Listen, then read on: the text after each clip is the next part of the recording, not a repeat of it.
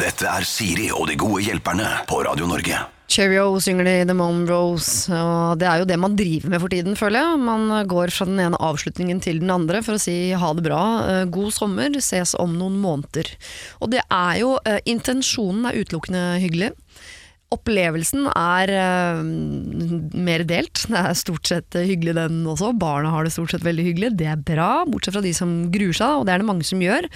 Noen syns det er skummelt, noen føler seg ensomme, noen opplever noe som de syns er vanskelig på disse avslutningene. Og det er ja, jeg vil si det er litt opp og ned på de fleste avslutninger. Og så er det mye. Foreldre er kanskje stressa, du opplever at mamma er surere enn ellers. eh, Pappa har kanskje ikke tid, eller pappa er sur og mutter'n er ikke det. Altså, det er mye følelser rundt de avslutningene som jo egentlig bare skal være hyggelige. Jeg har vært på avslutning med min fjerdeklassing på eh, telttur ute i et mygghøl.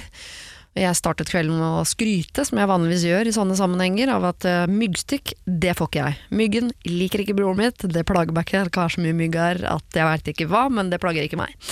Ti minutter senere så er jeg altså så oppspist av eh, små Om det er knott eller babymygg, det er jeg usikker på. Eh, jeg tror ikke det var ett menneske på den avslutningen som ikke hadde et sted mellom 20 og 200 stikk eh, jevnt fordelt rundt på kroppen. Ja, det var ganske slitsomt. Mange sov i telt, noen sov inne på en hytte. Jeg sov i bilen sammen med min sønn. Vi hadde lagd oss dobbeltseng, hadde med våre egne puter. Og, eh, altså, vi koste oss så vilt inne i eh, den eh, bilen. Eh, til sjalu blikk fra andre unger. Og det er jo en av mine oppgaver som mor, er jo å sørge for at min sønn tenker sånn ha-ha! Se hva jeg fikk. Nei da, jeg bare tuller. Faktisk, når jeg treffer sånne mødre, og jeg ser at det er taktikken, hvor de prøver liksom at, eh, å få sin eh, unge til å bli best likt fordi de har fått et eller annet som ikke de andre får, det må jeg si, altså da kaster jeg opp bitte lite grann i munnen. Men jeg forstår det. Jeg forstår det. Eh, det er vanskelig å la være noen ganger, i hvert fall når ungene setter dådyrøya i deg. Da er det veldig vanskelig å si nei. Jeg vil bare si Hvis det er noen som ikke er ferdig med avslutningskjøret, så vil jeg bare si prøv å puste med magen. Hold ut. Intensjonen er god. Ungene koser seg stort sett. Prøv å ikke stress. Eh, Det er lov å bake eh, ferdigkaker fra Kiwi. De er kjempegode. Ungene merker i hvert fall ikke forskjell, og det er ingen som tenker noe på det. Uh, Og hold ut, det er snart over. Og da er det noen måneder med pause fra det greiene der, før det antageligvis er en eller annen høstfest eller noen andre greier. Siri og de gode hjelperne. Siri og de gode hjelperne er fulltallige. Det vil si at eh, komiker Tommy Steine og skuespiller Line Verndal har eh, kommet til rette. holdt jeg. Dere har ikke vært borte på noen slags måte, men dere er, hvert fall, dere er på plass. Nå er vi endelig på plass. Nå er dere endelig på plass. Ja. Jeg skal starte med det tungt journalistiske spørsmålet her uh, hos meg. Uh, hva har dere for planer i sommer? Eh, skal jeg eh, Begynn med eh, damene først, jepp. Jeg, altså, jeg har jo pådratt meg to spel eh, på rappen. Ja.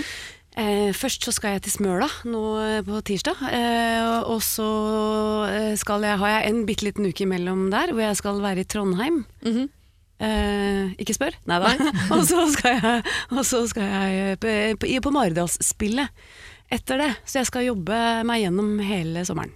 Maridalen og Trondheim vet jeg hvor det er, men Smøla, hvor er det? Smøla. Det er Utenfor en, Kristiansund. Jo, du veit. Ja. Smæla. Har du vært der? Omreisende komiker de siste 35 åra. Det er ikke et høl i det landet her du ikke har vært i. Det, jo, det er det. Det er noen høl jeg ikke har vært i. Det kan jeg love deg. Det er noen små steder. Innimellom der. Ja. Men Smøla har du vært. Smøla har jeg vært, men jeg går på folkehøyskole der oppe. Så det er der, derfor jeg er kjent liksom, på Nordmøre. Å ja. Er det fint der? Veldig, veldig, veldig fint. Ja. Jeg er helt enig. Det er helt fantastisk fint der. Ja, For dette er det spillet du har gjort noen somre Ja. før? Det her er tredje gangen jeg gjør det. Ja. Mm. Så Men replikkene sitter og eh, ja, det skulle jeg tro. Jeg må snakke dialekt og alt, så det blir jo, er jo gøy. Eh, Og det blir jo bedre og bedre dialekt. dialekt. Eh, stor ære viser du med værmor var i med nøkkelbelte, og det er færre du veit hva jeg dur til. Jo da, det Det er er jo litt kyss og vers, eh, skjønner du. Jo, jo. Dette er uh, greier. Det, det hørte jeg òg. Men er det det bra, altså. lokalhistoriespel, eller er det noe Ja, det er, det er kristningen av Norge, selvfølgelig. Altså, dette, dette er jo, det, det er jo sånn, det sånn spillverden eh, pleier å være. Yeah. Ja. Og eh, et, eh, min fordom mot sånne spill er jo at ikke bare er det det samme som spiller de samme rollene, men det er også samme publikum. Eh, ja, det er de samme som kommer, men, men derfor så må vi forandre spillet litt bitte grann fra gang til gang. Da. Å, Så vi har noen nye folk med og sånn. Ja, Men dere gjør det ikke om sånn eh, radikale endringer sånn i år er hovedrollen eh, bankraner? Nei, det gjør, Nei. vi- nei, det gjør vi ikke. Eller Det er- av Norge. Det er En lengre prosess, men vel så spennende. ut av statskirka-spillet, det er eh, Og det burde komme. Ja, det burde det. komme. Kanskje du skal sette opp det, Tommy? Det er ikke helt der. Jeg Nei. tror jo på Gud, så det blir helt feil av meg hvis jeg skulle snakke om avkristning. Ja, men da ville det vært gjort med respekt, så kanskje det er nettopp derfor du skal gjøre det. Faen, du er så lur, altså. Ja, ja. Det var derfor jeg kom hit i dag, for jeg har lyst til å lære ting. Jeg, men livet mitt går ut på at jeg vil lære noe nytt hver dag. Så tenkte jeg å kunne få lov å være sammen med den fantastiske Siri, den fantastiske Line, og lære ting. Så, Men siden du spør, så ja, jeg skal på ferie. ja hvordan? Jeg skal til Turkiet. Jeg skulle, vet du hva jeg hadde i panna? Nei, På innsiden? Alanya, tenkte jeg. ja. jeg Er det dit du skal, Eller? Ja, jeg har leilighet der. Du har, da kanskje jeg visste det, da? Ja, det tror jeg. Ja. Så vi reiser dit uh, nesten hvert år. Ja. Eller vi reiser ut hvert år, men uh, nesten hver sommer. ja. Vi bytter litt på sånn USA og litt Tyrkia, og så er vi der nede i tre-fire uker. Helt fantastisk. Men da står det en leilighet der og venter på dere, og er, med venter. basseng og utegrill og Alt som du, du forbinder med Syden, har vi der. Ja. Så Linda og jeg har like joggedresser som vi bruker opp på takterrassen. Nei da. Nei, det er utrolig deilig, og i hvert fall sånn som eh, hvor sommeren har vært til nå, så I fjor så var det ikke noe vits å dra, følte vi nesten. Nei. For da var det så bra her, men nå så føler vi veldig for det. Ja. Men har dere klær? Eh, Det syns jeg er liksom det beste med å dra på hytta, hvis det er noe klær der. Ja, vi har det. Det er hytta vår, så vi reiser bare med en liten reisekoffert. Ja. Men vi er jo så eksotiske at vi må så klart ha med litt norsk mat. Så det er stort sett det vi har med ned, resten har vi der nede. Hva er det dere ikke klarer dere uten av norske varer? Ble jeg veldig nysgjerrig på. Ja. Er det brunosten eller Grandiosaen? Eller? Nei, det er ingen av de delene. Det er kaviar, Ja. makrell i tomat og, og Norvegia. Ja, så det må dere ha med, ikke sant? Jeg må ikke, men jeg føler ferien blir fattig uten. Så kjører dere sånn uh, kebabrull med kaviar til frokost. Nei, men jeg er helt avhengig av kaviar. Jeg er så glad i kaviar. Ja. Så i- det- ifølge familien så blir jeg litt muggen hvis jeg ikke får det, så, så det har vi alltid med, da. Jeg spiser kaviar når jeg er fyllesyk. Jeg. jeg må ha det, med smør under. Må det? Loff med smør og kaviar. Er det det? To runder med det, så er jeg frisk. Det er vel det salte, er det ikke det? Er ikke det man da ønsker? på Jeg tror det. Mm. Det er ikke følelsen av å spise hundretusenvis av egg samtidig som gjør det. Siri og de gode hjelperne. Radio Norge. Denne helgen er det Line Verndal og Tommy Steine som er de gode hjelperne, og vi skal først ut i dag prøve å hjelpe en jente på 19 år. Det er vel ingen av dere som husker hvordan det var å være hverken du Tommy eller du Nei, men jeg har en datter på 18, da, så det kan jo Ja, sant? det kan brukes her, tror jeg. Ja. Jeg har et problem. Er en jente som nettopp ble ferdig med siste året på videregående, og jeg skal begynne på universitetet i høsten. I løpet av disse tre årene på videregående så har jeg blitt kjent med masse hyggelige folk som jeg gjerne vil holde kontakt med videre. Og her kom problemet. Noen av disse folka er lærerne mine. Jeg er nemlig av typen som får venner i alle aldre, og har derfor ingen problemer med å bli god venn med læreren. Mange har de samme interessene som meg, vi har samme humor, og de er eh, bare generelt sykt kule. Jeg har lagt merke til at mange av de har Facebook-profiler, men siden jeg har vært elev, så har jeg lagt, latt være å sende venneforespørsel. Men er det innafor å sende den forespørselen nå? Og hvor langt kan jeg gå for å holde videre kontakt med dem? Kan jo legge til at også disse har gitt uttrykk for at de liker meg spesielt godt. Typen invitert meg på besøk i fremtiden, og lignende. Hilsen jente 19. Altså, Kan hun legge til lærerne sine som venner nå, og kan hun forvente eller legge til rette for et fremtidig vennskap? Oh, Ja, um, det var. Eh, jeg, det, jeg driver og underviser på Westerdals, jeg vet ikke, det er jo litt eldre elever da, men jeg vet ikke om det har noe å si. Men Jo, eh, de det er jo lærerelev, meg- liksom. Ja, de driver og sender meg jo selvfølgelig venneforespørsler, og jeg sier jo, jo ja til det, altså. Eh, Ja. Men Thomas ser jo overrasket ut. Eh, nei, fordi jeg tenker at eh, For det er en ganske sånn, litt sånn kompisrelasjon på en eller annen merkelig måte òg, men Men er du Eh, interessert i å beholde noen av dem i livet ditt som ja, men, venner? altså det, altså jeg, altså den kyniske delen av meg tenker at eh, jo, jo, du har lyst til å ha kontakt med alle mennesker alltid, men eh, ting, folk forsvinner ut av livet ditt ganske, på en ganske naturlig måte. Ja. Jeg tenker at det, nå når hun har slutta på Altså hun er jo ferdig med å ha dem som lærere, Ja. så tenker jeg da er det veldig innafor. Og det å adde dem på Facebook er jo ligger ikke så innmari mye forpliktelser i det, så hvis det vennskapet består, så består det jo. Hvis ikke så smuldrer det ut av seg sjøl. ja, Så du tenker at eh, hvis du har lyst til å legge det til, så gjør du det. Ja, jeg hadde gjort det. Men det virker jo som altså, hvor, Jeg er mer nysgjerrig på dette her. Hvor langt kan jeg gå for å holde videre kontakt? Ja, det var ganske Ja. ja, For det høres ut som jeg er villig til å gå ganske langt. Er, Ja, altså, så- tolker jeg det Ja, som. for, altså, jeg opplever jo selv når jeg eh, underviser, at er, jeg er jo så dønn til stede eh, med de folka som jeg underviser når jeg holder på med det. Ja. Men eh, når jeg er ferdig, så er jeg på en eller annen måte på vei videre, da. Ja. Eh, så selv om man opplever at det er en genuin kontakt her og nå, så er det ikke så lett å holde på den, for da, da bytter Beklager altså alle mine studenter. Altså jeg bytter dem jo ut med nye folk som jeg er like opptatt av Ja. i neste runde. For jeg har jo ikke kapasitet til å holde på alt dette her inni mitt hode, da. Eh, så så det, jeg er jo ikke noe flink til å Det eneste som de kanskje gjør, er å be meg om råd, da.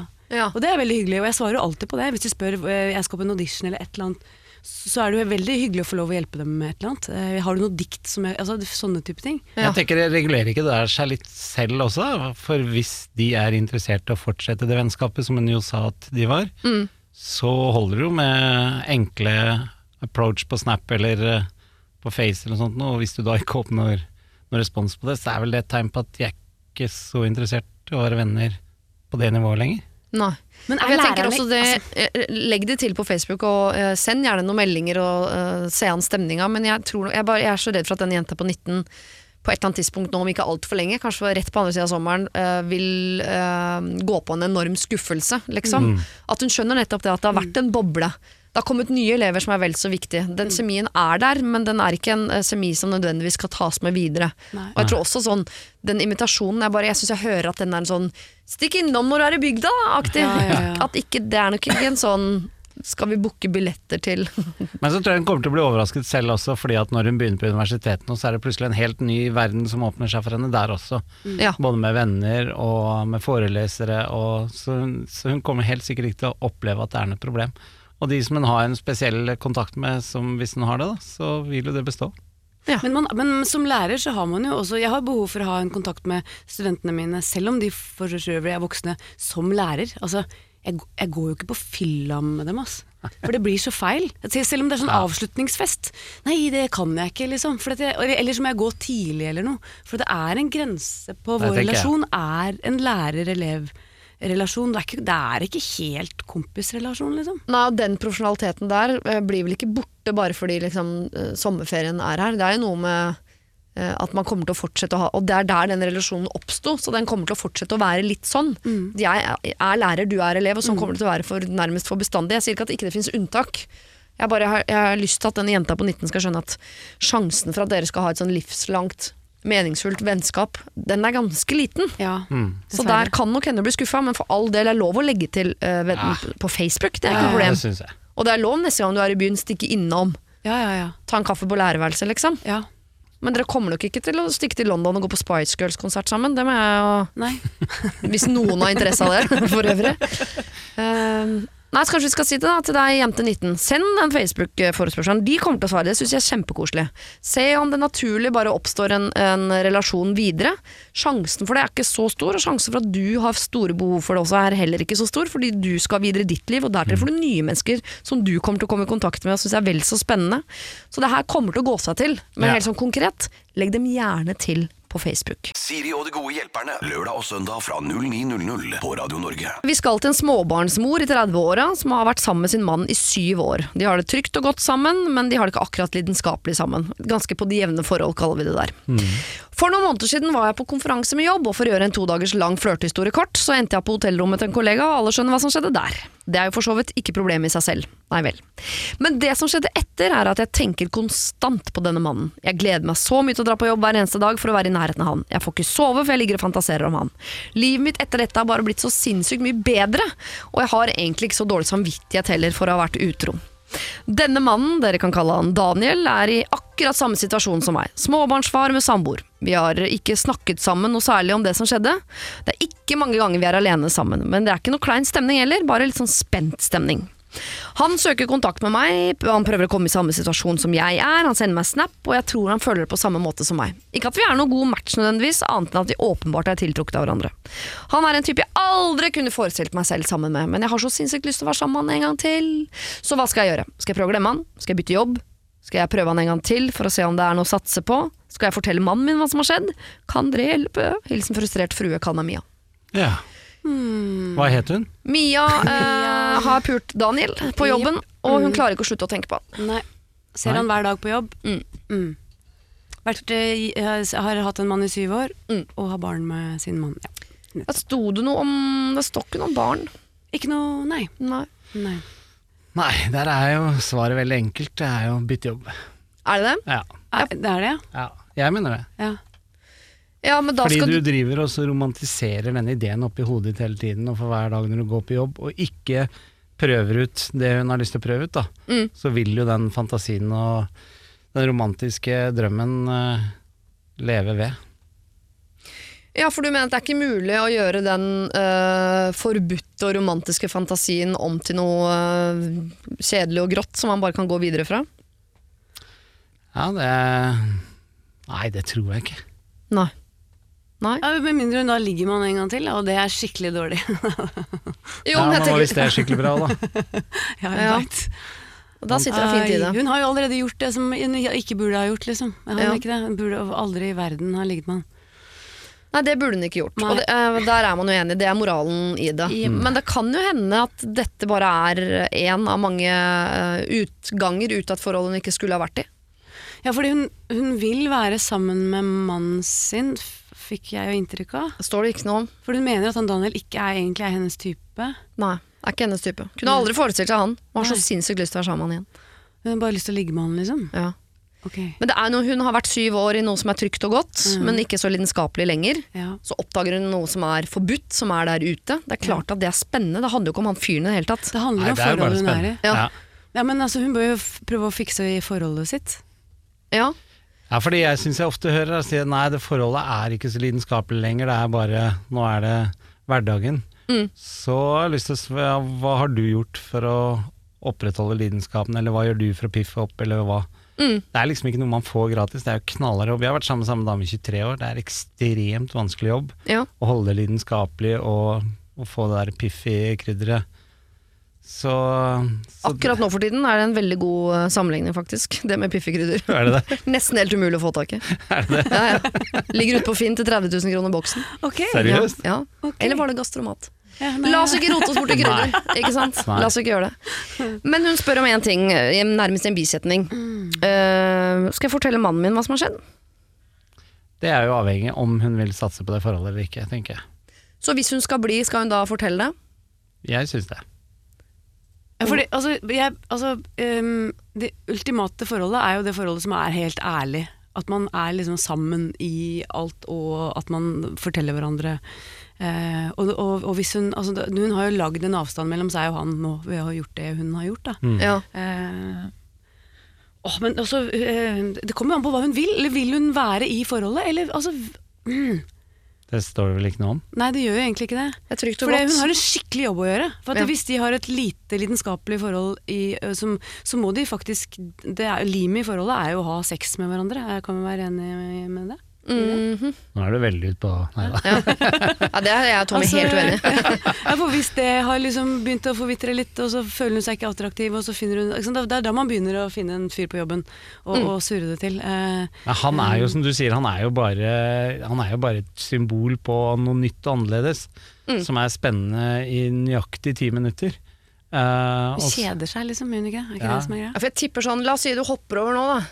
Så får vi denne mailen igjen om syv år. Da har du vært sammen med han i syv år, og det er trygt og godt, det, men det er ikke akkurat lidenskapelig. Nei, det vil, Da har du på en måte bare gått tilbake til start, men med en annen fyr. Ja. ja, det vil nok gjenta seg hvis du ikke gjør det, et oppgjør med det. Ja. Mm.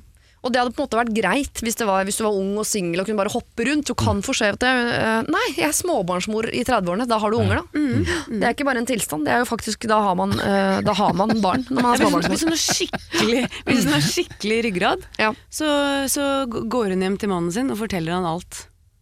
Men at hun allikevel fortsatt vil være, hun vil være sammen med han. At hun har sett hvilken tabbe hun gjorde. Mm. Men da må hun bytte jobb. Da må hun bytte jobb. Det kan godt hende at hun da må bytte jobb, ja. For det er noe med eh, sånn Jeg øh, tror Hvis jeg hadde sett liksom noe som var forbudt, som jeg, tenkte sånn, som- jeg eh, fikk lyst på, men jeg ikke burde ha, så er min taktikk er å flytte meg fra situasjonen. ja. Ikke sant? Om det eh, dreier seg om en Stratos eller en splitt levende gubbe. Så må jeg fjerne meg fra situasjonen. Og det tenker jeg, selv om det høres flåsete ut som du må bytte jobb, ja, kanskje er det det. Ja, jeg, tror, jeg tror også hvis hun skal fortelle dette her til mannen sin, så er det jo et, det blir jo et kjempesår ut av den situasjonen. Og uten at vi vet hvordan han har det, han eh, mannen som hun er gift med, så vil jo han eh, se på det, og hun skal gå tilbake hver dag og treffe og jobbe med han. Det vil være et sår som blir vanskelig å gro. Men hvis hun sier vet du hva, jeg har driti meg ut én gang, jeg akter ikke å forfølge det i hele tatt, for det er oss to det gjelder og barna våre, så jeg sier opp den jobben og bytter jobb, for jeg vil ikke se han mer. Ja. Da er det straks litt mer kort på hånda, tenker jeg. Ja. Da hører, hører han at hun er villig til å gjøre et offer også. Ja. At hun eh, er villig til å ta konsekvensen av det hun har gjort Ja. osv. Og, så videre. og derfra ut så blir det ikke noe lettere, for da må du finne tilbake til lidenskapen. Ja. Du kan like seg finne den hjemme som å finne den ute, Ja. tenker jeg Ja, da. for greit, Hvis hun gjør det motsatte, da, fortsetter med han, ligger med han en gang til, er han på jobben, Ja. og så kanskje det til og med også går over, eh, så har hun jo allikevel det samme problemet med mannen sin. Altså, Det er jo der problemet hennes er. Og så er det stor sjanse for at ved å ta et oppgjør på dette, her, bytte jobb, gå til mannen sin, fortelle, at det kan være ting som røsker opp litt i forholdet og får det mer lidenskapelig, og blir at man ikke tar hverandre for gitt, og, Ja. og Vet du hva, Mia? Du skal bruke den situasjonen her. Dette skal være den situasjonen som gjør at du og mannen din finner ut av ting. Som gjør at du og mannen din finner tilbake til lidenskapen. Som selvfølgelig er ikke den der. Det har vært sammen i syv år, dere har små barn. Det er, ikke, det er ikke veldig mange småbarnsforeldre i 30-åra som har det ekstremt lidenskapelig. Det er klart å gå på, eller det er ikke klart, men da går man på en smell på jobben, som jo ikke er så veldig lurt. Dette her, nå skal du få uh, to hjemmelekser. Dette skal du snakke med mannen din om. Og hvis han mener at det er en god idé at du bytter uh, jobb, og du også mener at det er en god idé, da er vi plutselig én, to, tre, fire, fem stykker som mener at det er en god idé. Da tenker vi at det er det du skal gjøre, dessverre. Siri og de gode hjelperne. Send oss en e-post på siri at radionorge.no. Vi skal uh, hjelpe en som ikke har gjort noe gærent ennå, men som vurderer å gjøre det. Oi. Eh, mye i sommer. Det er ikke så ille, altså. Jeg er den eneste som skal holde fortet på jobben i juli. Alle andre er borte. Vi har én regel her, eller vi har flere regler her på jobben om at vi må gå pent kledd, det er ikke lov å ha hund her, eh, det er ikke lov å ha på radio, ikke ha med ungene når de er sjuke osv. Men jeg tenkte å kjøre shorts, ja. Ha med bikkja, kanskje ungene innimellom, og osv. Og jeg er ikke så redd for å bli tatt, men moralen min prøver å overbevise meg om at man må respektere reglene på arbeidsplassen, også når sjefen er borte. Hva syns dere? Hvor jobber, hvor jobber han? Nei, det står ikke. Dette var strengt. strengt. Det var veldig streng jobb. Ja, det høres jo ut som et kontor der man oppfører seg Ja. ordentlig til vanlig. liksom. Advokatkontor eller Ja, sånt. ja, og så må han bare være der. Han har kanskje ikke opparbeida seg ferie, han skal sitte her og tvinne tommeltotter hele sommeren. Ja. Jeg tenker shorts og unge, greit. Eh, Bikkje, så du veit jo ikke om det er allergikere som jobber der til vanlig, og da Ja. er ikke det så lurt, tenker jeg. Ja, for her kan folk være så allergiske for bikkje at de reagerer i august på Ja. at De kan det, ja. Ja, ja, hvis pelsen ligger igjen. ja, Jeg har bikkje, så jeg vet det. Ja, Sånn røytebikkje. Røytebikkje. Jeg, synes det er så- jeg også har hund, så det er så vanskelig å ta sånne hensyn. Ja. Det er jeg enig i. Men eh, Ok, Så nei til bikkje, da, hvis det er en sånn røyte, i hvert fall Ja. hvis det er en røytebikkje. ja, hvis det ikke er røytehund, hvis det er sånn der, eh, røytefri, Ja. så go for it. Ja, ja til shorts og bikkje og unger og radio og alt. Jeg, må, jeg kan fortelle en, gang, en ting jeg gjorde jeg var på, jeg var på kino aleine en gang. eh, Midt på sommeren så var det ingen der. Og det er ganske lenge siden, var den tiden jeg drev og røyka. Så jeg satt liksom Skulle man tatt seg en røyk, da? Ja. Så jeg satt, jeg satt helt alene. Og nå måper Tommy. Jeg satt helt alene. Det her var før røyk var så jævlig farlig som det er nå. Da. Jeg satt helt alene på, Det var like farlig da, du visste ikke. på Eldorado eller noe, helt alene. Og, og fyrte meg opp en sigg og satt og røyka. Koste meg skikkelig. Så jeg sier kjør på. Altså, Men Fikk du ikke beskjed fra han som sitter For han som snurrer filmen, er jo der. altså, det var ingen som fikk med seg Jeg tror det er automatiske maskiner. Ja, Ikke i Moss, for når jeg er på Moss kino og alltid får lyst til å legge beina mine på stolryggen foran, som jeg jo gjør i og med at jeg bare er 14 år gammel mentalt, Ja. da hører, har jeg fått høre på sånn høyttaler. Da stopper de filmen så hører sånn Ta ned beina dine fra stolraden foran. Er det sant? Seriøst? Ja. Ja, det tror jeg ikke Det er Eldorado, altså. Nei. Men, men dere setter dere på de fete setene når de, det ikke er noen der, sant? Ja, ja, jeg Jeg setter meg aldri på det setet jeg ble til. i hvert fall. Nei, nettopp. Fordi sofaene liksom foran der, altså, de må man jo bare bruke. Ja. Ja ja, fint. Ja, jeg er mer imponert over at det er det gærneste du har gjort på en kino. At jeg røyka? Jeg røyka en gang. Ja, jeg har ikke ligget med noen på kino. Ikke noe sånt. Nei, jeg bare røyka. Men så, Da høres det ut som jeg har med meg to gode hjelpere i dag som mener at uh, han her kan gå i shorts og ha med unger og høre på radio og bare hjelpe blaffen i kontorreglene. Ja, Når sjefen er borte, så er det greit. Ja. Ja ja. Men hvordan blir overgangen da når sjefen går tilbake? Men det er jo prisen han må betale. Ja, ok. Det, Han er ikke den lille- Fem år, liksom. Han klarer Nei. vel å omstille seg. Ja. Tror ikke? Da er du veldig, da er du veldig svak. Å, jeg er så vant til å ha med unga og på radioen. Jeg har helt glemt meg. Kan hende du kommer til å sette pris på å ikke ha med ungene på jobb også, på et eller annet tidspunkt. Ja. At det nuller ut det der med shorts i andre enden. Ja, Shorts syns jeg i hvert fall ikke høres veldig farlig ut. Altså. Nei. Og han sier jo at det er ikke noe fare for at han blir tatt for det heller. Nei, det sier han ikke. Han sier at han er ikke så redd for å bli tatt. Han er ikke så redd for det. Det er mer liksom hva han øh, Om han liksom skroter til sin egen moral. For det kan hende at han nå, hvis han går og gjør ulovlige ting i fire uker, at moralen bare blir litt skakkskjørt. Så han syns det er vanskelig å følge regler også i etterkant. Men det er jo veldig rart hvis han drar på jobb i dress og, og, og tvinger seg selv til å ikke høre på radio. Fordi, Og så er det ingen der. Men det Altså, det er jo en kjemperar, liksom. Og jeg tenker også at det må være en pur, pur white uh, fyr, uh, men uh, den samvittigheten Hvis dette er det han føler er å klusse med moralen, Ja. tror du ikke jeg skrudde på radioen gitt? Jeg hadde ikke lov. Jeg, ja, det er det han skal Da syns jeg han skal unne seg det. Ja. For da trenger han et par sånne nye input i, livet for å freshe opp litt. Og hvis det å ha på radioen på jobb når det egentlig ikke er lov, da må du begynne å gjøre det. Ja, da er man nødt til å stake opp litt grann, Ja. da, faktisk, og i moralsenteret. Og jeg, og jeg tenker også at de reglene der høres veldig ut som regler som er lagd for å ikke støte kunder som kommer innom, eller ikke plage de andre ansatte. Men hvis du er der aleine, det er verken kunder eller andre ansatte, så hvem er, det- da er det jo ingen å plage. Nei. Så da syns vi du skal kjøre på, jeg synes du skal kjøre på med bikkje. Bikkje, unge, radio, Ta en, shorts. ta seg en øl en fredag ettermiddag og røyk ut av vinduet. Ja, ja. Lag dine egne regler nå hele sommeren, kos deg. Og så vet du at prisen du må betale er at det blir eh, ordentlig kjedelig og strikt i andre enden når de andre er tilbake på arbeid. Siri og de gode hjelperne. Send oss en e-post på siri at radionorge.no. Vi skal uh, gå til Kåte Karoline. Jeg vet ikke om du husker Kåte Karoline. Eh, men Kåte Karoline hadde et uh, problem som vi tok opp 18.11. her hos meg. Da var det Solveig Kloppen og Kåre Magnus Berg som var mine to gode hjelpere. Og det de skulle hjelpe Kåte Karoline med, var å finne en eller annen måte hun fikk kunne kommunisere til mannen sin på at hun ikke var helt fornøyd med eh, sexaktene. Eller selve liksom, sexen var ikke så ille, men vorspiel, der hadde han eh, ganske mange mil igjen å gå. Men hun syntes det var litt eh, touch å ta det opp på en naturlig eh, måte. Hva skal man si, liksom, uten at partneren skal få såre følelser? Eh, men hun visste at dette her, jeg må ta tak i det, for det er sånn, eh, altså hvis man nærmest nesten gruer seg, da er det noe man er nødt til å snakke om. Selv om det er kleint, både for den som tar det opp, og for den som får høre det. Jeg spurte som sagt Solveig og Kåre Magnus om hva de mente kunne være lurt, og du skal få høre noe av det. Et sted mener jeg det må være lov å hinte, og det er i senga.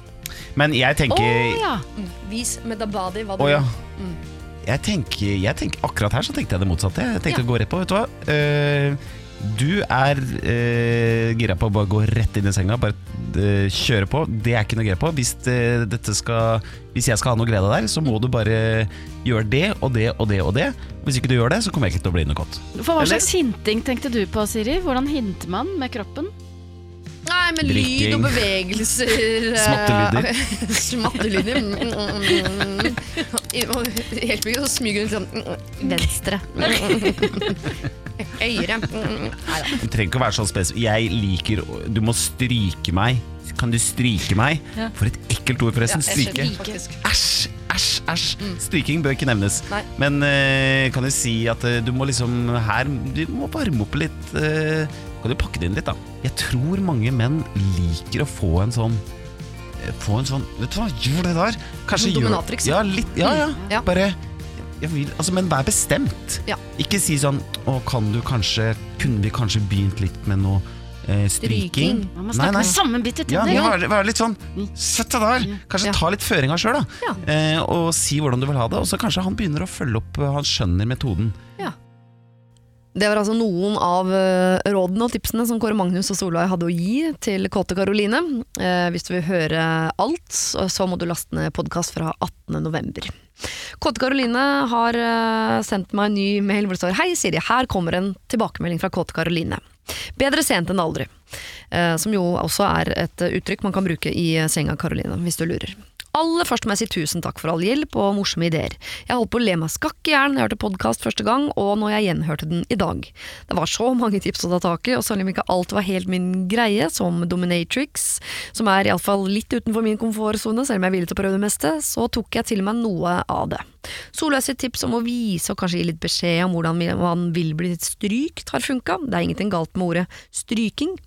I kombinasjon med å si hva man liker med litt sammenbitte tenner og setningen du, jeg gidder ikke ha sex hvis vi ikke har tid til skikkelig vorspiel. Plutselig skjønte han at vi er to i senga med forskjellige behov, og vips, så er ting blitt så mye bedre. Ikke perfekt, men mye, mye bedre. Og da er det håp. Neste mål må være å kvinne meg opp til å spørre hvilke fantasier han har, og hvordan vi kan få det enda bedre og morsommere i senga. For vi er fortsatt sammen, og jammen går det ikke kjempebra også. Så litt kvalmende forelska takk fra kåte Karoline. Herregud, vi har gjort Kåte Karoline ikke bare kåt, men kvalmende forelska i tillegg. Stort mye bedre enn det blir det ikke. Med mindre du får lagt en liten fantasi som glasur på toppen der, så tror jeg vi jaggu skal være i mål. Er dette hjelp du kunne tenke deg å eh, få, så eh, send inn problemet ditt til sirialfakrøll radionorge.no. Radio Norge. Eh, hjelp, står det her. Jeg skal prøve å gjøre en lang historie kort. For tre år siden var jeg på en fest, og det skjedde noe på denne festen som jeg ikke klarer å glemme. Det oppsto en stor krangel mellom en av mine nærmeste venninner og hennes mann i løpet av natten. Jeg møtte henne dagen etter, og da var hun veldig opprørt og sint. Og når jeg spurte hva som hadde skjedd, svarte hun bare at mannen hadde vært liksom ekkel og full i går. At hun ble så sint for at han var så full, at han hadde nachspiel når hun ville legge seg. At hun bare følte seg dårlig. Og jeg syntes det var rart at hun var såpass sint for noe jeg eh, syntes var litt vagt. Og jeg prøvde å spørre mer, men jeg fikk ikke så mange svar. Etter noen ukers øh, tid var ting tilsynelatende normalt igjen mellom de to, så jeg tenkte ikke noe mer over det. Men så, for et års tid siden, fortalte en annen venn av meg, som heter Morten, at han hadde hatt en hendelse med mannen eh, hennes denne aktuelle kvelden. Han hadde blitt forført av han. Og Morten, min eh, venn, er samboer med en annen mann, og han fortalte at denne, eh, den, altså mannen til venninnen her, hadde flørta vilt og dratt henne med inn på et rom i huset deres på nachspielet, hvor han gikk rett ned i buksa på han, med fjeset liksom. Men det hadde tatt brått slutt da kona plutselig kom inn uh, i rommet. Jeg fikk sjokk da Morten fortalte meg dette, men brikkene falt jo liksom litt på plass. Eh, men jeg har aldri snakket med venninnen min om dette, så jeg vet ikke hva hun vet. Og jeg tror kanskje at mannen har fortalt henne noen løgner og prøvd å redde sitt eget skinn, slik utro folk som regel gjør. Jeg tror han bare bortforklarte hele situasjonen og har lagt all skylda over på Morten. Venninnen min har ikke sagt et ord til Morten etter denne kvelden, er tydeligvis sint på han. Eh, eh, mannen har nok forklart at det var Morten som tvingte seg på han eller utnyttet han eller noe i den duren. Jeg vet at Morten snakker sant, og jeg syns det er veldig vanskelig å omgås dette venneparet og vite at eh, de ikke vet hva som egentlig er sannheten. Så burde jeg si noe her? Til venninnen min? Til mannen hennes? Skal ikke si noen ting? Jeg vet jo ikke hva hun vet, jeg vet ikke om hun har tillit til han eller om hun vet hele sannheten. Og det må sies at dette er folk i midten av 30-åra, og at de har barn sammen.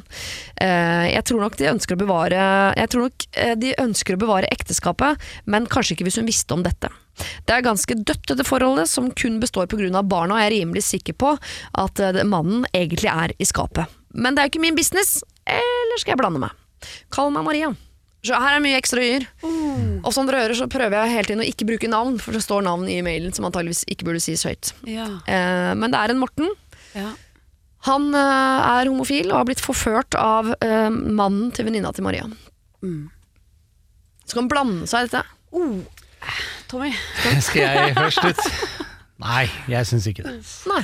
Jeg syns hun skal Hvis Morten har en issue med denne venninnen, Mm. fordi de ikke, hun har ikke snakket med han etterpå, så syns jeg at Morten skal ta det opp og så si du er du klar over hva som egentlig skjedde, Mm. hvis det er et problem for Morten. Denne tredjepersonvenninnen, Mm. som ikke har noe med hva som skjedde eller er en av partene, syns jeg bare skal um, holde kjeften. Hold kjeften! Ja. Men Maria eh, ønsker jo å blande seg fordi hun er glad i venninnen sin og bekymret for henne. Ikke sant? Jeg tror ikke det er noe sånn «He, nå har jeg lyst til å ordentlig Nei, det tror røre ikke opp i jeg bikuben her, liksom. Men, Men det tror du ikke- Ja, unnskyld. Altså, nei, nei, nei, nå avbrøt jeg deg. Ja, Altså. ja. Beklager. Nei, men det fordrer jo at ikke sant? Her har jo hun fått fortalt historien fra én side. Mm. Ikke sant? Og så er det to sider til. Det er både venninnen sin side og mannen sin side. Mm. Og da når du ikke har alle fakta på bordet, for det har hun jo ikke, hun bare vet at Morten snakker sant. Eh, men vi vet jo ikke noe om hva venninnen og mannen har snakket om. Vi vet ikke hva mannen har forklart har skjedd. For alt vi vet, så kan mannen sagt vet du hva, jeg dreit meg ut i går, men jeg, jeg sliter med at jeg er veldig tenner på gutter. Ja. At det er derfor forholdet er litt dødt. Altså Vi vet jo ikke hva som har foregått mellom, i det ekteparet. Nei. Og da skal komme som en sånn ekstern Du, jeg har hørt at han sa til hun sa at det er Syns jeg ikke man skal. Nei. Hva om det er nettopp det hun venninnen trenger? da At det er noen som tar henne til siden og sier sånn Jeg ser at du sliter. Det har ikke vært så god stemning etter den festen for to år siden. Vil for- du snakke om det? For jeg Liksom? tenker sånn der, Hvis, eh, hvis venninnen er en helt normalt oppegående person, som hun sikkert er så altså, Hvis du er sammen med en, en fyr hvis hun, hvis hun kom inn på det rommet og så han eh, nedpå kne, eh, altså, eh, og, og, og venninnen også eh, tror at han er i skapet, og så tror du ikke også hun som er gift med han, har mistanker om alt dette her, liksom. Eh, og så, over det hans skyld, og det var han som Tror du ikke kanskje hun heller bare har lyst til å lukke øynene bitte, bitte litt og sulle seg inn i en sannhet som ikke helt fins? At hun ikke orker helt å forholde seg til det? Altså, for, altså, Til ungene er litt eldre. ja, ikke sant? For, det, for, det, for det, hun er jo ikke Hvis ikke så er hun jo ganske dum, og det er hun jo sikkert ikke. Ja, man blir jo ofte blindere jo nærmere man kommer, da, nettopp fordi du sier sånn Man orker ikke å se det som ligger rett foran trynet, så man bare tenker sånn Å ja, så det var Morten som tvang deg ned på kne og bli med på det. Æsj, Morten! Han er fienden! Få han bort! Han skal jeg aldri snakke med mer! Mens deg som jeg er avhengig av, for du er pappaen til barna mine og har halve gjelda på din Altså, Men poenget er at det vet jo ikke venninnen. Altså, kan det det. kan godt hende hun bare prøver å, å forholde seg til dette her, og klare å leve seg gjennom det, selv om hun egentlig har mistanker om dette og hint. Eh, og Eller da, vet, da trenger hun ikke en venninne som død, jeg har hørt, ikke sånn som du Ja. snakket i stad. Eh, eh, men det hun kan gjøre, er jo eh, å si du, skal, ikke, vi, skal vi gå ut og spise eller ta oss et glass sammen? Og at man da på en eller annen måte snakker med venninna si. Sånn, ikke sånn at nå skal vi snakke om eh, mannen din, men at man, hvordan går det egentlig med Ja. dere om dagen? Ja. Liksom? Har dere Går to det bra? Har dere det bra, så får jeg og mannen min, og vi sliter sånn, der, der. og så utlevere seg selv litt, sånn at det, det blir en eh, samtale som gjør at hun, hun har muligheten, hvis hun vil, til å betro seg til henne. Da, Ja. da, da er du en bedre venninne, tenker Det er så mange faktorer du ikke vet. ja. Og da gå inn, og det er jo ganske, ganske heftig bombe å, å slippe, og hvis du da ikke har, så er jo faren stor for at du ødelegger mer enn du reparerer. Da. Mm. Men kan eh, hun eventuelt snakke med den Morten og si at hvis du syns det er kjipt at hun eh, ikke snakker med deg lenger etter denne festen, har tydeligvis gjort om deg til fienden. Så Morten har jo en rolle i dette spelet. Um, så Morten kan vel gå inn og si har det forandra seg mellom oss disse to Men årene? det kan jo hende at hun ikke vil snakke med Morten fordi hun er så jævlig flau òg, for hun skjønner jo egentlig kanskje hva mannen har gjort. Dette veit jo ikke vi. At hun bare ikke vil forholde seg til ham, for hun vil ikke ha den sannheten hans, da. Nei, jeg hadde også slitt dette med å ikke, liksom. Nei, jeg hadde slitt med å skulle snakke med Morten hvis jeg hadde sett tissen hans inni munnen til mannen min, Ja. må jeg innrømme. Jeg hadde hatt litt problemer med det, altså. Selv altså, i disse dager så hadde jeg hatt litt problemer med det. Mm. Åh, nei, Maria, jeg vet ikke. Um, vi er usikre på om Morten skal uh, snakke med venninnen din. Det, han kan Ja. gjøre det, for han har noe med dette å gjøre. Din eneste rolle i dette er jo å være en god venninne, men en god venninne er en venninne som setter seg ned, byr på en middag, et glass vin og snakker om hvordan har du det egentlig. Ikke en som går inn med uh, grytesleiva og rører rundt i bikuben bare for å se om du uh, liksom kan lage noe drama. Og det er jo ikke intensjonen din, men jeg tror det er det som vil skje hvis du går inn i dette. Ja. Det er for mye ting vi ikke veit. Som. Tommy sier, vi veit nesten ingenting. Det er nesten ingenting du veit, men det kan godt hende at venninnen din og mannen vet absolutt alt, har blitt enig, og da skal ikke du gå inn der og røre der. Men vær en god venn. Gå og spis mat. og eh, ha en stor skulder og et åpent sinn, og spør hvordan hun har det egentlig. Siri og de gode hjelperne. Everybody Hurts uh, REM fikk vi der, og det er en fin uh, påminnelse på. Hvis du ligger og, uh, i fosterstilling et eller annet sted og tenker at livet er helt forferdelig, så er livet litt vondt for de aller fleste. Kanskje ikke akkurat nå, men de som har det bra nå, de har det helt sikkert vondt om noen måneder. Helt enig. Ja, Det sånn, kunne ikke vært sagt bedre. jo, det tror jeg helt sikkert noen har sagt Nei, jeg mye, tror mye ikke noen har sagt det bedre enn noen gang. Men kunne hatt kassegitar til. Ja, Det hadde vært bedre. det hadde vært bedre. Ja. Eh, Tommy Stein er min gode hjelper denne helgen. Det er også Line Verndal. Og eh, søndager, dere, som jo for mange er en litt vanskelig dag. Det er, det er min favorittdag, søndag. Eh, kanskje spesielt fordi jeg ikke jobber på mandager. Så Det er lørdag for deg, lørdag ja, men lørdag uten det presset på å feste. Du kan på en Ja. måte bare slappe av, fordi i går var det lørdag. Mm. Og så skal du ingenting i morgen heller. Fantastisk dag, men det er et, jeg skjønner at det er luksus. Mm.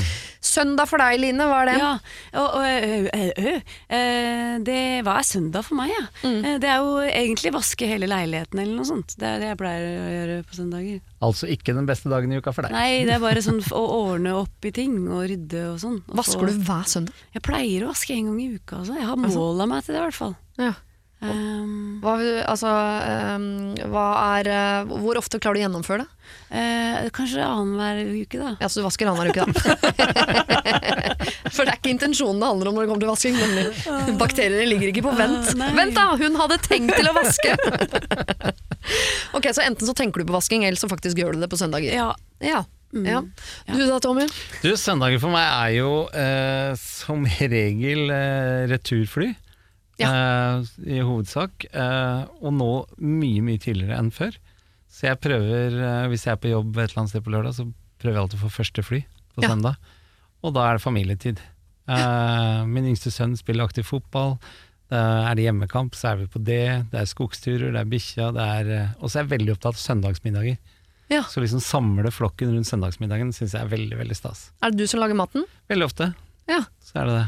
Jeg elsker søndagsmiddager, og jo flere som kommer, desto bedre. Vi er jo en svær flokk, da, så det, det er jo begrensa. Men vi er jo som regel en eh, åtte-ti stykker, liksom. Så, Eh, Det er deg, kona, bikkja, men Også du har vel ikke barn. sju unger? Nei, Fire. fire ja. men de har jo begynt å formere seg, holdt jeg på å si. Det har de ikke, men de har jo begynt å de har jo, Alle bortsett fra én har jo en partner. ja. Så da er det plutselig tre til der. Det er flokken. Men du, det der eh, altså, Det har jeg så lyst til å gjøre Mm. når barna mine blir store. At det er sånn På søndager så drar vi hjem til mutter'n. Mm. Uansett om jeg var eh, full som et fly i går, om jeg har hatt dame i tolv timer eller tolv måneder. Hun blir med hjem. Mm. Det er lapskaus hos mutter'n klokka fire, liksom. Ikke, det er jo limet i familien. Ja, og jeg syns det. Så jeg er Ja. veldig opptatt av det. Og Linda kommer jo, min kjære, kommer jo fra en familie hvor det har vært veldig hver søndag hjemme hos de. Mm. Så, så det passer oss begge to veldig, veldig bra, tror jeg. Men hvor Jeg legger du lista? Jeg drømmer også om det, altså. altså Mm. Selv om jeg har en veldig kjedelig Jeg følte meg veldig kjedelig nå. Jeg bare, vasking, da. Ja. Ja, vasking. Du spiser middag du også med datteren din på spiser, Jeg søndager. middag med datteren min. Men jeg, men jeg har også en drøm om den der store familien. Da må Altså, du få det er flere jo- barn. Ja, men jeg har, jeg har fått meg kjæreste som har to. Ja, der ser du, Eh, der er så du da gang. kan vi kanskje på sikt bli noe sånt. Mm. Ja, Da kan dere bli fem. Og hvis hans to og din ene får eh, kjærester Da blir vi stor, plutselig Da er opp til en dere gjeng. også. ja, Åtte. Det er gøy å være gjeng. Jeg har lyst til å være gjeng. Ja, flokka er viktig, altså. Ja. Det er jo eh, dumt av meg ikke å ha spurt om det før, Line. Her nevner du det i en bisetning at du har fått deg kjæreste. Det Ja. pleier jeg å spørre om, for det har vært litt opp og ned de siste åra, Vært, hvis vi skal være ærlige på det. Ja, vi skal være ærlige på det.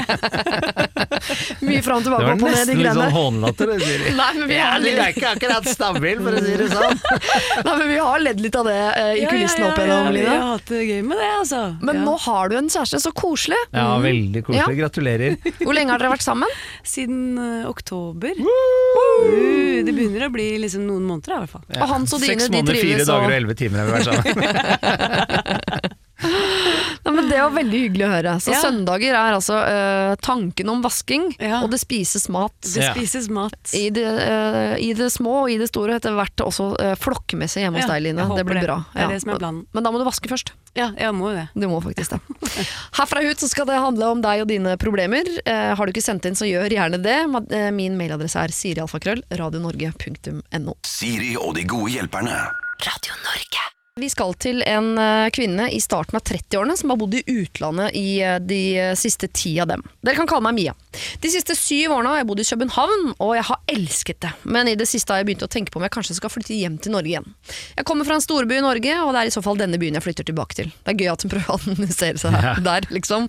Nei, det er ikke meg fra Trondheim. Blande meg med en fra Bergen, du. Ok, Jeg savner både venner og familie i Norge, og mest av alt savner jeg bare det å kunne bo i et land der jeg har et eh, tilhørsforhold, og der alle forstår hva jeg sier, og der vi deler den samme kulturen. For tro meg, det er stor forskjell mellom nordmenn og dansker. Tanken om å flytte hjem har kommet i takt med at jeg er blitt eldre, og at alle vennene mine her i København nå både har kjærester og er eh, barn eller er gravide. Selv er jeg singel, har ikke barn, og det er, har jeg det egentlig helt ok med. Problemet er bare at venninnene mine nå er så opptatt med sine liv, uh, og at jeg derfor egentlig bare bor alene i København uh, og ikke ses så ofte uh, sammen med mine venner. I Norge derimot har jeg noen gode venninner som ikke har barn, og derfor lever man et liv som minner mer om mitt. Dette er selvfølgelig ikke ensbetydende med at jeg behøver å flytte, men jeg har bare kommet til et stadium hvor jeg føler at det må skje noe nytt i livet. Selv om jeg har elsket syv år i København og alltid vil ha en tilknytning til denne byen, føler jeg et savn mot Norge. Samtidig som jeg er en person som liker å oppleve verden, og frykter litt at hvis jeg flytter hjem nå, så er jeg stuck og ender opp med et A4-liv som jeg ikke hadde forestilt meg. Men jeg klarer rett og slett ikke å bestemme, eh, så eh, her vil jeg høre noen andres tanker, som forhåpentligvis kan gi meg en skubb i riktig retning. Hilsen Mia. Nå snakker du jo med tre av A4-mennesker som har bodd lenge i Norge, da, så det er veldig eh, lett for oss å si sånn Herregud, finn på noe annet! Redd deg selv! Men eh, her, her vil egentlig ikke ha hjelp, bare noen tanker rundt eh, København versus flytte hjem.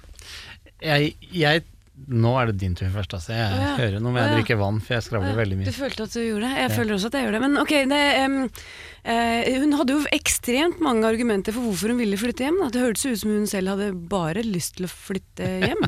Ja. Gjorde det ikke det? Eller Ja. tar jeg feil? Nei, jeg også tenker det. Eh, eh, og altså, hva er det så fa er det, altså, det A4-livet altså, Du snakker med en som, alle, eh, som har vært, vært sånn thrill seeker hele mitt liv. Mm. Uh, og jeg, nå elsker jeg jo Jeg vil jo bare inn i den der lille boksen og være A4. Um, så det jeg er litt feil, kanskje, i forhold til den derre ønske om å leve et spennende liv? Nei, jeg er enig med deg på, på jeg, mm. jeg, ønsker, jeg er veldig fornøyd med sånn som livet mitt er nå, men jeg tror, jeg tror kanskje utfordringen hennes ligger på noe annet enn akkurat hvilket land hun skal bo i og sånne ting, og det handler noe om hennes egen innstillinger til det som er rundt henne.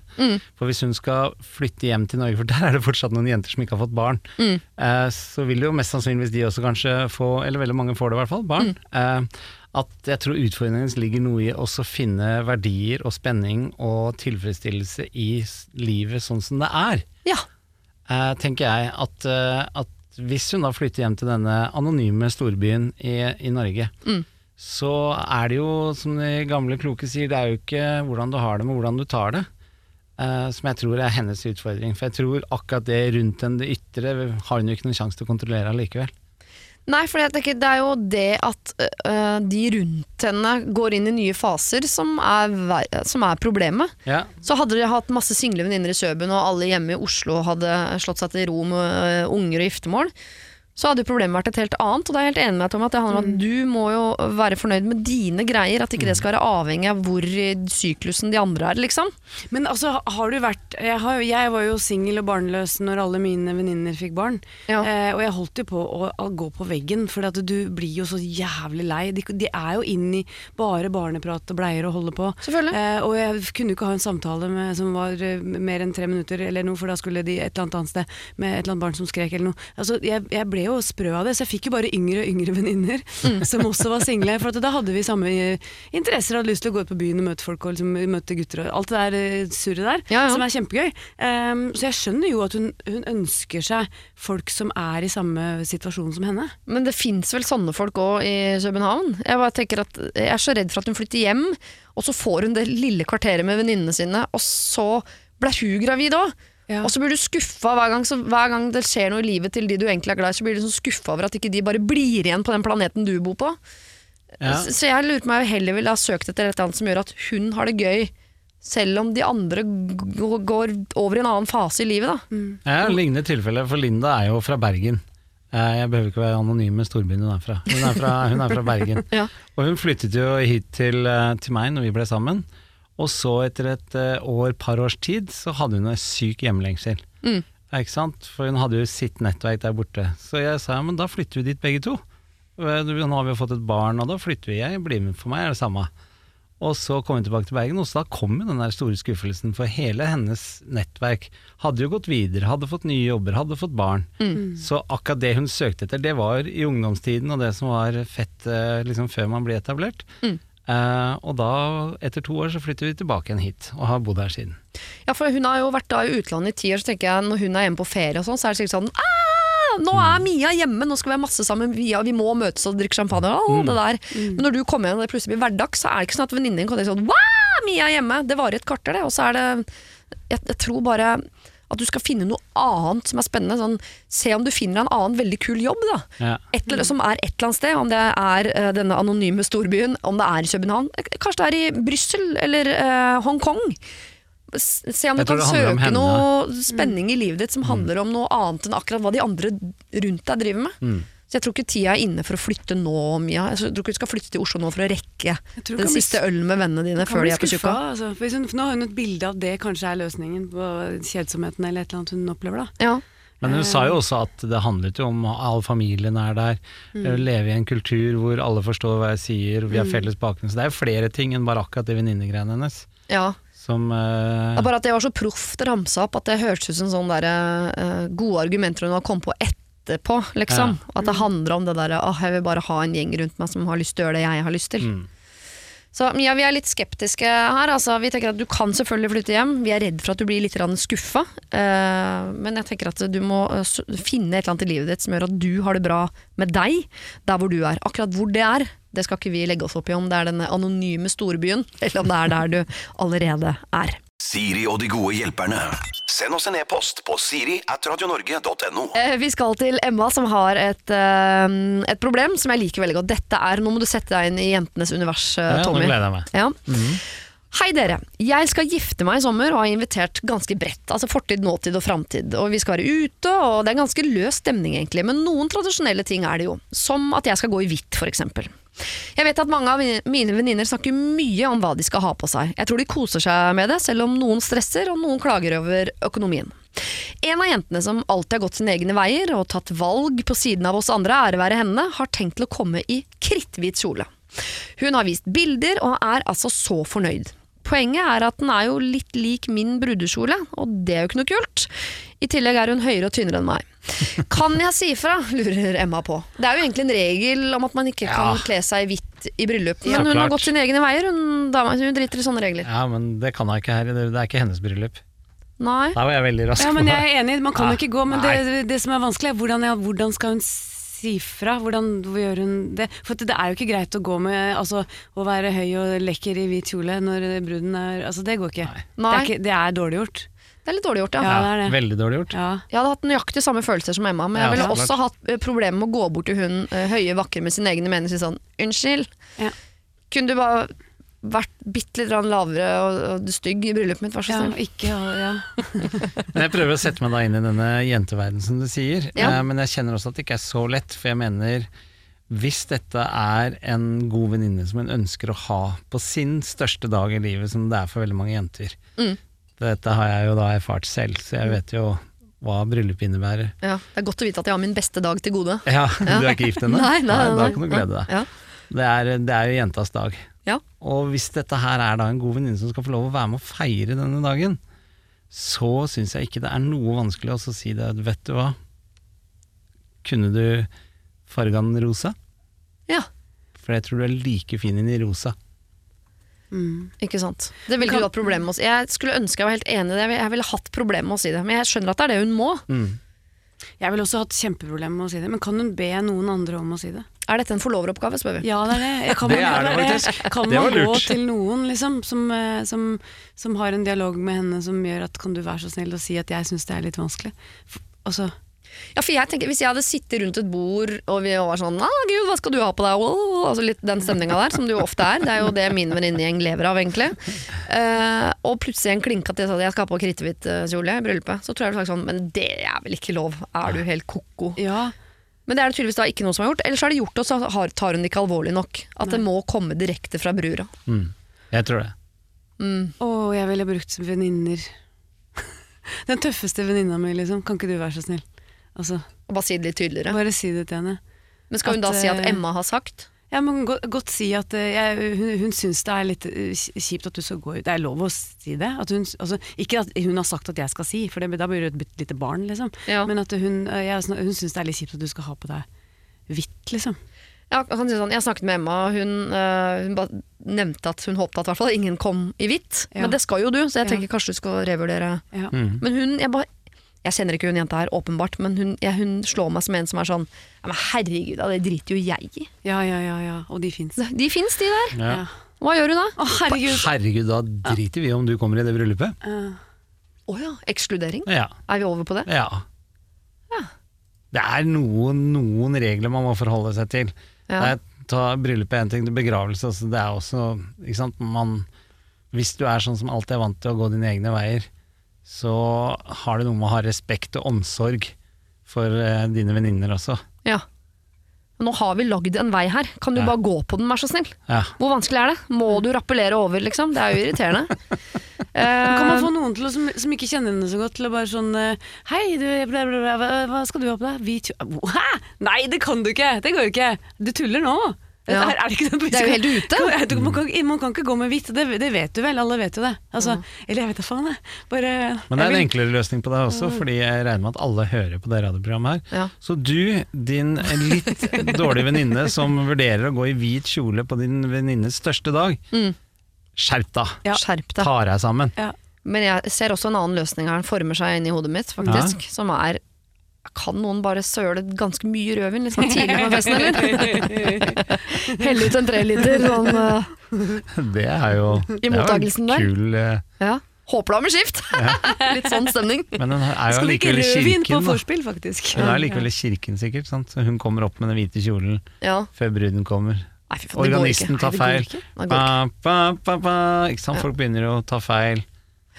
Og nå er det sikkert noen som hører på som tenker sånn Det er jo ikke det det dreier seg om. Denne dagen handler jo om kjærlighet. Mm. Eh, sammenføringen av to individer osv. Det handler om å være finest! Neida.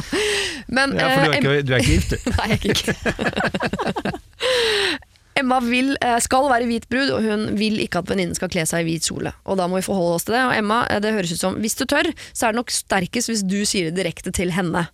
Eh, For det kan nok hende at noen allerede har sagt fra, og hun bare har sagt sånn herregud, det er vel ikke så farlig det. Men da, hvis ingen andre har sagt ifra, så høres dette ut som en forloveroppgave. noen må prikke henne på skulderen og nevne at hvit kjole, ikke så god idé. Nei. Hjelper ikke det, så går ballen videre til deg.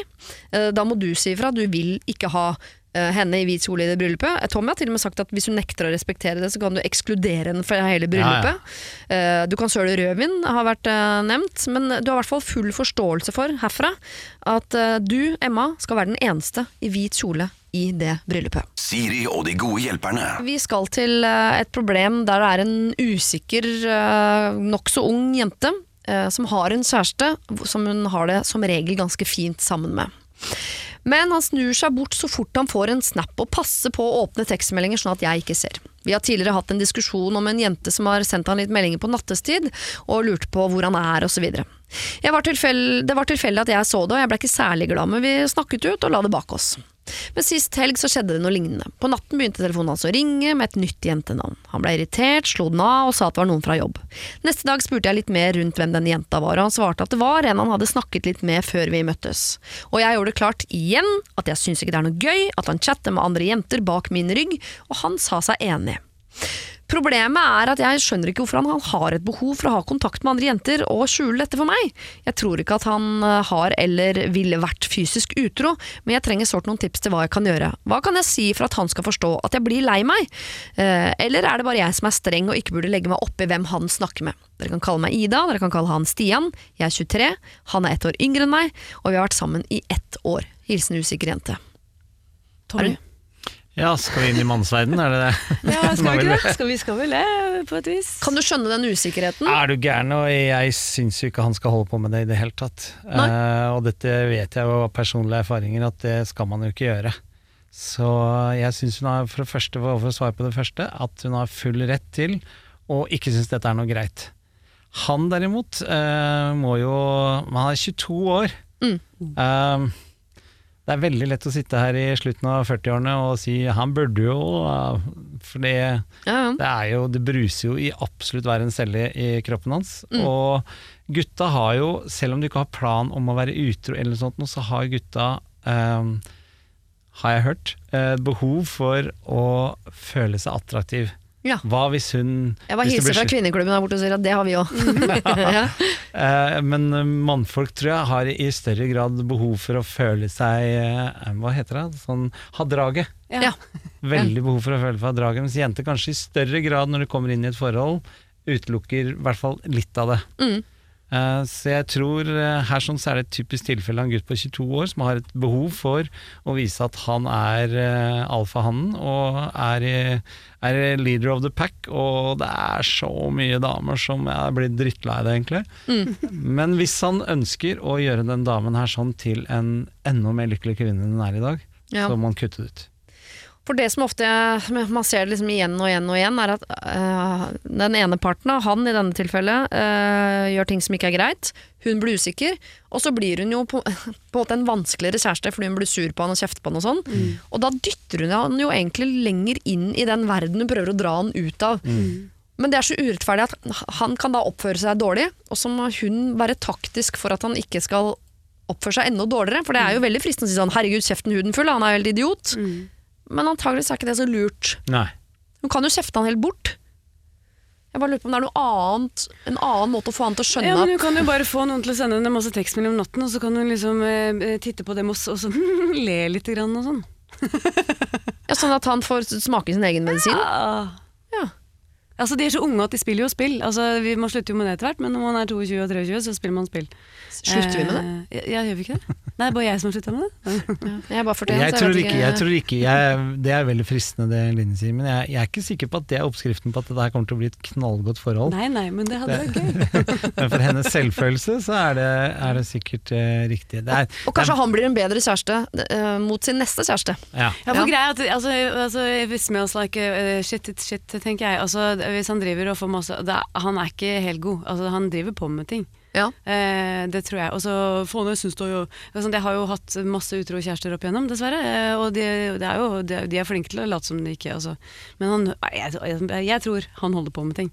Eh, Hvorfor har han behov for eh, Han er ikke fysisk utro, hvorfor har han behov for å ha kontakt med andre jenter og skjule det? Jeg Ja, har men alltid sagt sånn, Hvis du må skjule det, så ja, Du skjuler jo ikke ting du ikke trenger å skjule. Ja, men han vet, altså, vet hun om han er fysisk utro, da? Nei, Altså, vet du ikke. nei, hun tror ikke det, da. Det ville ikke jeg trodd et øyeblikk på. Det tror ikke jeg på heller. Nei. Jeg tror han er det òg, jeg. Ehm, beklager. Veldig lei for det, men uh, mm. uh, ja, Nei, det er kvinnegruppa men altså, der altså- som slår alle under ja, ja, ja, ja. Men hvis, hvis, hvis hun vil Altså, jeg har spilt det spillet og vunnet det flere ganger. Hun, må jo, hun må jo bare fjerne seg fra han. Hun må bare få han til å skjønne at nå er han i ferd med å miste henne. Eh, og bli kald, eller, eller, eller bare bli Eller være, nei, være sånn Bare kos deg og vær ute så lenge du vil. Og liksom bare Ja. vær så jævlig raus.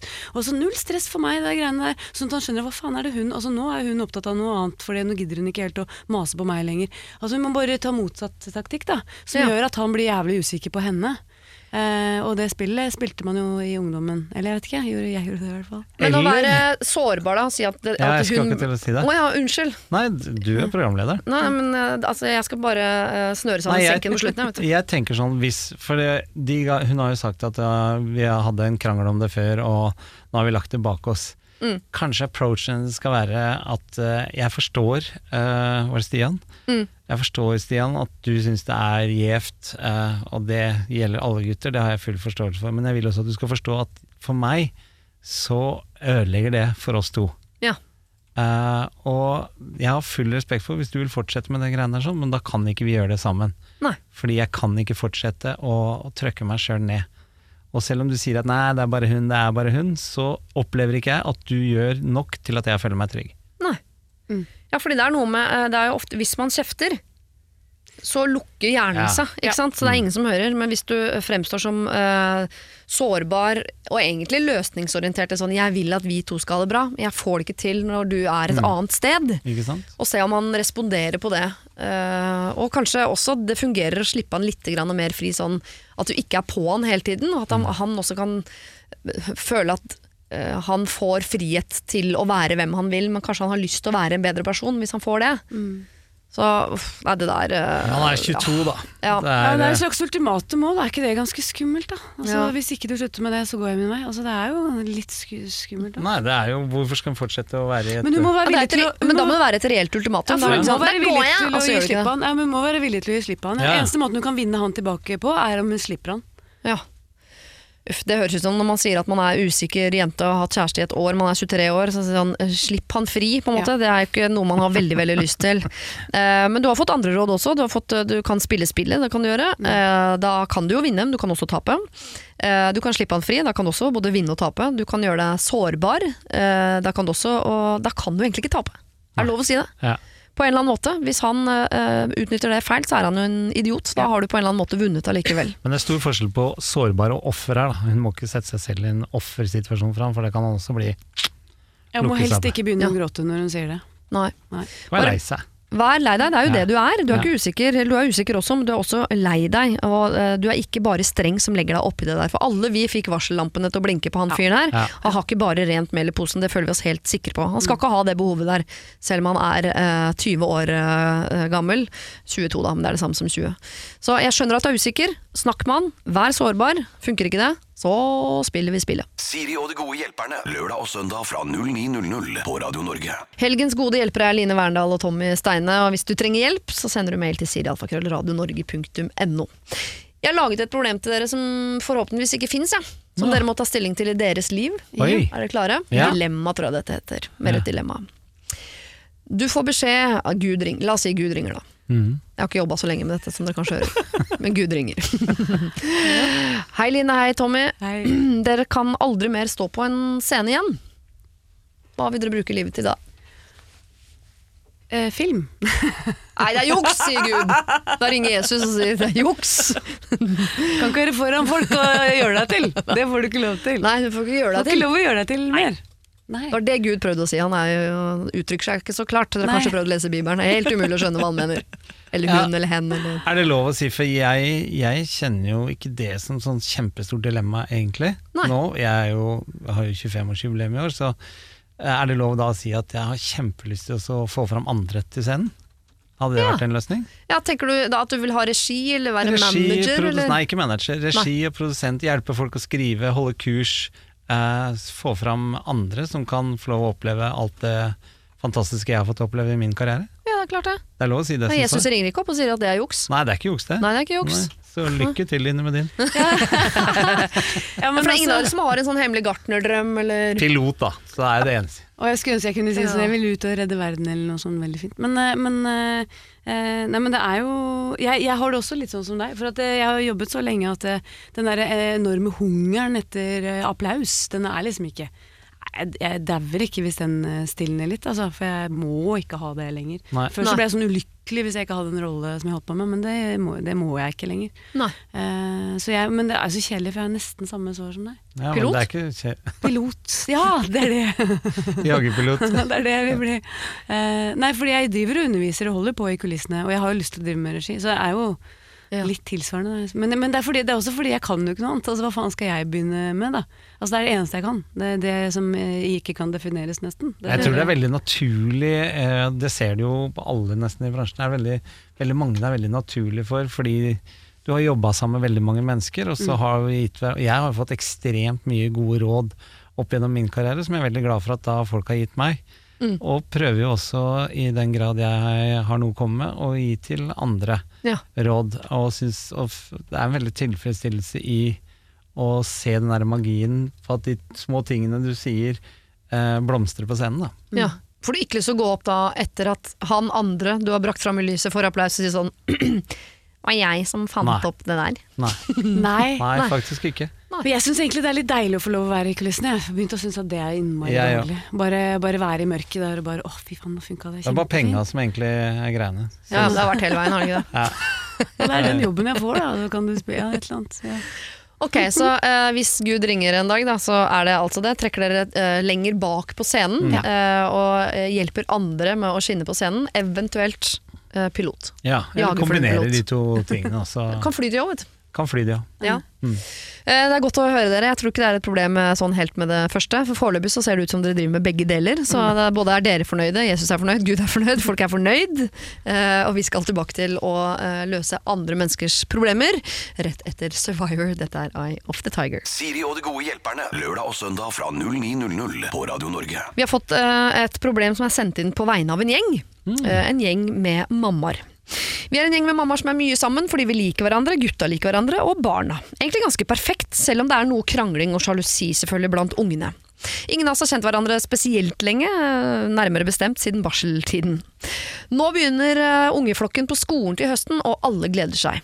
Men det ene foreldreparet i denne gjengen eh, de gir helt beng i alle regler. De har såkalt en litt løs oppdragelse, og det er ikke fordi de er opptatt av at den skal være det, men fordi de er slappe folk. Veldig kule, men slappe. Det vil si at når vi andre er mer eller mindre enige om hvordan vi gjør ting, så gir de F. Altså det er små ting. På tur så kan vi alle være enige om at vi legger ungene ca. åtte. Ungene deres vaser rundt i sånn ti. Vi kan si at det blir ikke noe is før maten. Ungene deres går og spiser is. Det er ikke noe iPad på senga. Ungene deres har iPad hele døgnet. Vi skal på camping nå rett før skolestart alle sammen, øh, og lurer på hvordan vi kan sørge for at de er med på samme regler som resten. Kan vi kreve det? På vegne av en gjeng, Kirsten. Kan man kreve det? Skal vi begynne der? Kan Nei, man det kan kreve man av andre foreldre at dere må, dere Nei, det må følge? ikke. Nei. Men det man kan gjøre, er jo å Hvis den gjengen er eh, alle er enige om det, så, er det jo, så består den gjengen plutselig av to som ikke er med i den gjengen lenger, tenker jeg. Ja. Så du er tilbake på ekskludering? Ja, Fan av ekskludering, ja men altså, hvorfor skal man ekskludere. ja, men hvorfor skal man liksom eh, gå rundt og syte og klage og være misfornøyd, istedenfor å ta tak i ting Ja. eh, og si vet du hva, det er et stort problem for oss at våre barn ser at deres barn spiser is før maten, ser at deres barn har iPad hele tiden. Det gjør det veldig vanskelig for oss. ja. Eh, og, men hun, jeg, sånn jeg forsto det, så har de jo sagt fra til dem, men de gir beng. Ja. Og da er det på tide å gi beng tilbake. Ja, fordi eh, i fare for å snakke høyt på radio, som jeg jo ofte gjør, og glemmer at også folk jeg sender innimellom hører på, eh, så er det jo noen sånne i, som man liker veldig godt som mennesker. Kule å være på fest med, kule å snakke med som voksen til voksen. Men som foreldre så er man jo veldig forskjellig. Ja. Det kan jo være litt eh, Ja, men jeg, sli, jeg, sli, jeg kan slite med at jeg jeg jeg har jo en ekstremt enkel å ha med å gjøre jente, liksom. Så jeg kan jo skli litt mer enn mine venner. Ja. Eh, og jeg syns det er ganske slitsomt å være på ferie med alle de helvetes reglene som fins. Ja. Eh, for jeg har ikke så innmari behov for å ha så inn i helsikes mye regler. Og det kan være små ting som, som, sant, som, som jeg bare sier Men altså, hun klarer vel seg selv, om hun legger seg litt seinere nå når det er ferie. Ja. Eh, og så blir hun veldig veldig misfornøyd og veldig trist i blikket sitt, for hun bare ser på meg og bare tenker åh, må jeg følge de jævla reglene til disse andre foreldrene? Og har ikke du tenkt å stå opp for meg, mamma, liksom? Ja. For dette, det er jo oss, og hun vil egentlig da, det ender med at hun har bare lyst til å være sammen med meg alene. For det er mye hyggeligere når vi bare er alene sammen, for da har vi, da har vi det mye hyggeligere enn alle de Nei, nei, nei, ikke, ikke, ikke. ikke. Ja. Så jeg kan kjenne meg litt igjen i Altså jeg kan, kan jeg sette spørsmålstegn med de som har sendt inn problemet. Men altså, hvor mange regler har dere egentlig? Kan det være litt i overkant, liksom? Ja, og så mistenker jeg altså, jeg er det er veldig fint at vi hører den siden av uh, saken, fordi det er jo noe med at man ofte tror at vi er enige om at vi ikke spiser ris Ja. før middag, og så Og er det egentlig aldri vært sånn at åtte stykker satte seg ned og ble enige om det. Det er bare noen som tenker at det er jeg som har fasiten på hvordan vi gjør det, så det er vi enige om.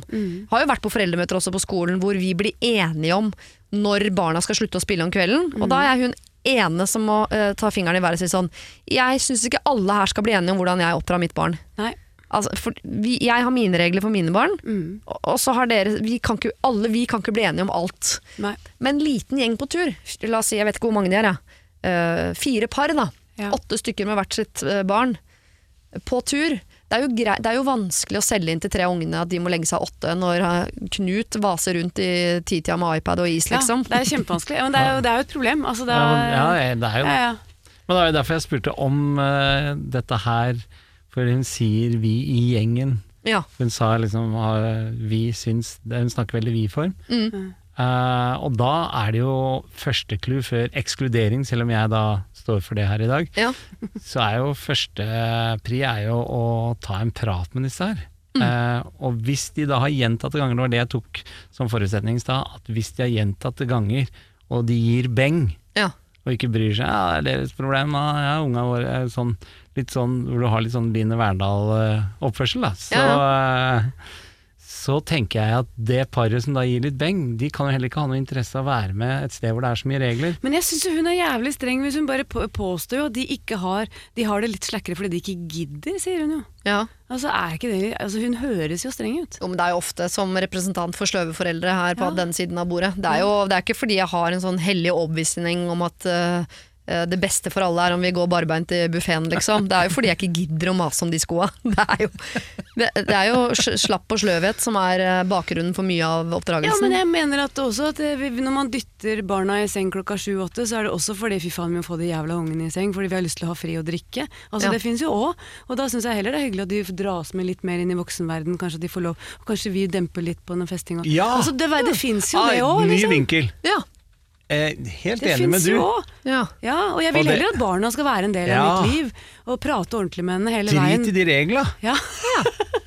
Det er, nå trekker jeg tilbake ekskludering. Det er jo de to som er kjempeforbilder. Ja. Fordi når man drar på tur og på ferie og på camping, så er det jo ikke for at de voksne skal sitte og nippe til plastglasset med rødvin alene og ungene ikke forstyrrer. Det er jo for unga. Mm. Og da må campingturen og de venneturene og alle sånne ting tilpasses deretter. Her høres det ut som de har litt å lære av hverandre. Det høres Ja. ut som, her, egentlig så lukter jeg at her er det seks stykker som er enige om noen regler, og så har de egentlig ikke snakket med det siste par engang, for de vet at de kommer til å gi beng. Men jeg tenker at hvis vi har to stykker som gir beng, og seks stykker som er veldig glad i regler, møtes midt på, eller? Ja. Noen regler sikkert greit, ikke spise fire softis rett før middag. Ja, men jeg har Men jo, to, da? Altså, jeg har jo en avtale med min datter om sommeren, eksempel. Én is om dagen. Og Ja. jeg ser jo de andre Det er barna. regler. Nei, jeg vet jo, altså, hun, altså, de andre får jo to og tre å holde på. Ja. Ja, men hun er veldig, veldig veldig glad over at eh, sånn er det. Og hun nesten så syns det er litt sånn Det er faktisk en helt sånn fin ting. Ja. Uh, jeg venter med den, jeg mamma, jeg tar det etterpå. Liksom. Jeg trenger ikke det nå. Altså, og jeg, og det, kan høre, det kan høres dritstrengt ut, men Ja, hun har ikke noe problem med å forholde seg til Eh, At de andre flyter og gjør andre ting. Det har hun faktisk ikke, nå høres jeg veldig streng ut. Men jeg, Og jeg vet ikke hvor mange ganger jeg har sagt til min sønn når han sier sånn Ja, men han får lov til det! Jeg er ikke mora hans. Og jeg har vært så på nippet mange ganger til å si sånn, men han kommer ikke til å gå bra med når han blir stor, dessverre. Ja. det har jeg ikke gjort foreløpig, men noen ganger tenker jeg sånn Jeg er mammaen din. Ja. Min oppgave er å sørge for at du får et godt liv. Jeg kan ikke bry meg om hva de andre driver med. Nei. Men det går ikke helt. Han er ikke en, synes ikke det er en, han slår seg ikke til ro med det. Det må jeg bare innrømme. Han, sier, han begynner å protestere litt. Grann. Han gjør det. Men gjør så, det. så tror jeg også eh, Dra på tur på ungas premisser. Men Mm. så tror jeg også eh, jeg, Nå har jeg bare fire unger, så jeg kan jo bare snakke på vegne av Nok som erfaring med dette, med andre ord. Så, eh, så tror jeg også eh, at ungene setter pris på litt rammer. òg. Hvis det bare flyter ut og det er sånn her, ja, du finner i kjøleskapet sjøl og alt sånne ting. Ja. Ungene liker litt eh, rutiner, rammer eh, og regler, men jeg skjønner jo barn er ekstremt opptatt av urettferdighet. da. Ja. Ja. Så hvis det er seks unger der, og to av de får lov å gjøre akkurat som de vil, så skjønner jeg jo at det representerer et problem. Ja. Ja. Vi kan ikke ha masse urettferdighet her, eh, Kirsten. Det gjelder både barna og voksne. Dere må lage noen rammer, men kanskje skal bli enige om de rammene. For her syns jeg det høres ut som dere har litt å lære av disse sløve foreldrene, og de sløve foreldrene har litt å lære av dere i forhold til uh, denne ramma som dere må sette. Men dere må jo bli enige om det. Dere må jo ta den praten, og alle må bli enige. Dere seks kan ikke bli enige, og så er det de to sløve som ingen egentlig har snakket med. Så legg dere et eller annet sted midt på. Ikke fire softis før middag, men kanskje to. Uh, og uh, kanskje ikke iPad hele døgnet, men kanskje bare tolv timer, osv. Et eller annet sted midt mellom der du er, og midt mellom der disse såkalt sløve foreldrene er. Dette er Siri og de gode hjelperne på Radio Norge.